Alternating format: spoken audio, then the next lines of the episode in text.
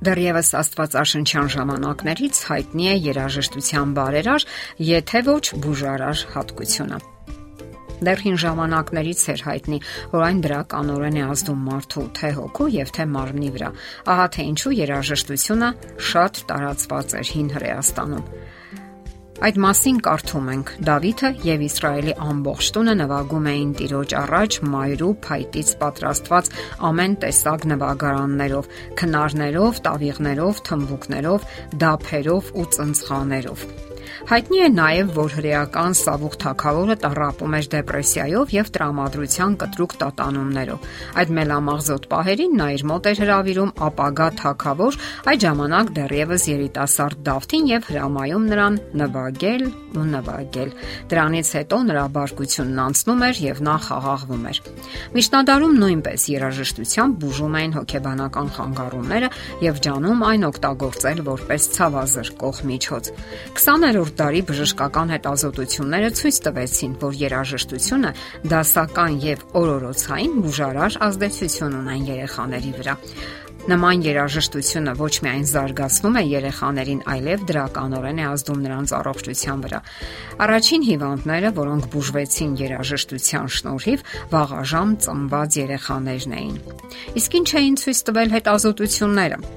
Որպես կանոն բաղաժամ ծնված երեխաների մոտ ферментային բջիջների գործունեությունը թուլացած է եւ ուշագրավ է, որ դասական երաժշտություն լսելուց հետո մանկական ферментային բջիջների գործունեությունը աճում է։ Դա parzել է հետազոտությունը։ Ստուգվել էին նաև այլ ցուցանիշներ՝ արյան ճնշումը, պուլսը, շնչառության ռիթմը։ Եվ բժիշկները միշտ նկատել են, որ տեղի են ունենում ադապտացիոն կամ հարմարվողական հակազդեցություններ։ Օրգանիզմն ինքն է ընտելանում շրջապատող միջավայրին եւ երեխան սկսում է ավելի լավ զգալ իրեն։ Սակայն թերահավատները կարող են առարկել, թե երեխան նման հակազդեցություն է ցուցաբերում ցանկացած ձայնային գրգռիչի։ Ժամացույց ցույցի տկտկոց, զրույց եւ այլն։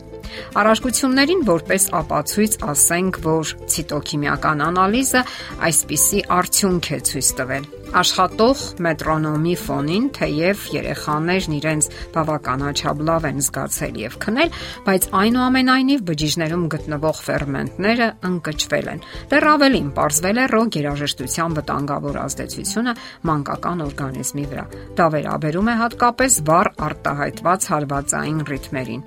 Ինչպիսի երաժշտություն պետք է լսեն երեխաները, ինչ է խորուրդ տրվում։ Անհանգիստ երեխաները պետք է լսեն խաղաղ, հանգիստ մեղեդիական երաժշտություն։ Որպես կանոն, դասական սոնատների եւ գործիքային համերգների երկրորդ մասերը գրված են հենց նման ռիթմով։ Գիտնականները մշակել են այդ թեմային վերաբերող գիտական հիմնական գրականությունը եւ նրանց ծրագրերում գերիշխել է գերմանական ու վիեննական դասական երաժշտությանը վերաբերող գրականությունը։ Այդ երաժշտությունների հեղինակներն են Մոցարտը, Շուբերտը, Հայդենը։ Հետագայում ավելացել են ուրիշ հեղինակներ եւս Վիվալդին եւ Չայկովսկին։ Այդ նպատակի համար կարող են օգտակար լինել հետևյալ ստեղծագործությունները Մոցարտի գիշերային կարճ սերենադի երկրորդ հատվածը, Վիվալդիի տարվա եղանակներ ստեղծագործության մեջ ձմեռը, Չայկովսկու Պիկովայա դամա ստեղծագործության մեջ Լիզայի եւ Պոլինայի երկխոսությունը։ Օգտակար են նաև օրորոցայինները։ Նկատենք նաև, որ երաժշտության ազդեցությունը երեխայի վրա ավելի ուժեղ է լինում, երբ մեղեդուց բացի նաև երգ է հնչում։ Իսկ կենթանի երգի ազդեցությունը ավելի ուժեղ է լինում, քան դիսկի կամ որևէ այլտեղ ձայնագրված գործիքային ստեղծագործությունը։ Կան երեխաներ, որոնք դիստրեսի մեջ են, տարապում են դրա համախտանիշից։ Որոշներն էլ վատ են սնվում կամ ասենք շնչում են ընդհատ-ընդհատ։ Այսպիսի երեխաներին խորհուրդ է տրվում լսել Շուբերտի, Մոցարտի, Հայդենի երաժշտական ստեղծագործությունները։ Օրինակ Չայկովսկու Եռաձի կարգի վրա եւ տարվա եղանակները ստեղծագործությունների մեջ գտնվող վալսերը։ Վիվալդիի տարվա եղանակները ստեղծագործությունից գարունը, ինչպես նաեւ քայլերքային երաժշտություն։ Նկատենք, որ երաժշտական թերապիայի այս բոլոր միջոցառումները օգտակար են ոչ միայն առողջական հիմնախնդիրներ ունեցող երեխաների համար, այլև առողջ բնականon զարգացող երեխաների համար։ Նրանց հարկավոր է հանգստացնել, խաղաղեցնել, իսկ երբեմն էլ ընդհակառակը քաջալերել, սատարել, այսպես ասած, ողքեվորել։ Նման դեպքերում կարելի է օգտագործել թուլացնող կամ երանդուն երաժշտություն։ Իսկ ահա ականջակալներ ոչ մի դեպքում չի կարելի երեխաներին տալ։ Մեր ականջները նախատեսված են, հարմարված են ցրված ձայների համար։ Դեռևս չզարգացած ուղեղը կարող է ձայնային վնասվածքներ ստանալ անմիջական ձայնային հարվածներից։ Նկատենք նաև, որ բոլոր իրավիճակներում չէ, որ երեխաներին կարելի է խորուրդ տալ երաժշտություն լսել։ Այն հակացուցված է հետևյալ դեպքերում Եթե երեխաները հակված են ցնցումների, ունեն առողջական լուրջ հիմնախնդիրներ, որոնք ուղեկցվում են օրգանիզմի թունավորումով, ունեն ականջի բորբոքում, այն երեխաները, որոնց մոտ կտրուկ բարձրանում է ներգանգային ճնշումը Եվ այսպես ընդհանուր առմամբ հարկավոր է երեխաների ճաշակը զարգացնել բարձրակարգ երաժշտությամբ։ Սովորեցրեք նրանց հասկանալ ու սիրել դասական երաժշտությունը։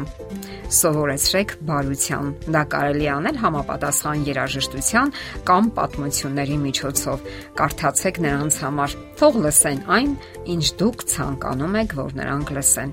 Դե ինչ, այս բոլորը կարևոր է առողջ, զարգացող երեխայի համար։ Եղեք հնարամիտ ծնողներ, որոնեք եւ կիրառեք այն ամենը, ինչը կարող է օգտակար լինել ձեր երեխայի համար։ Եթերում է առողջ ապրելակերպ հաղորդաշարը։ Հարցերի եւ առաջարկությունների համար զանգահարել 033 87 87 87 հեռախոսահամարով։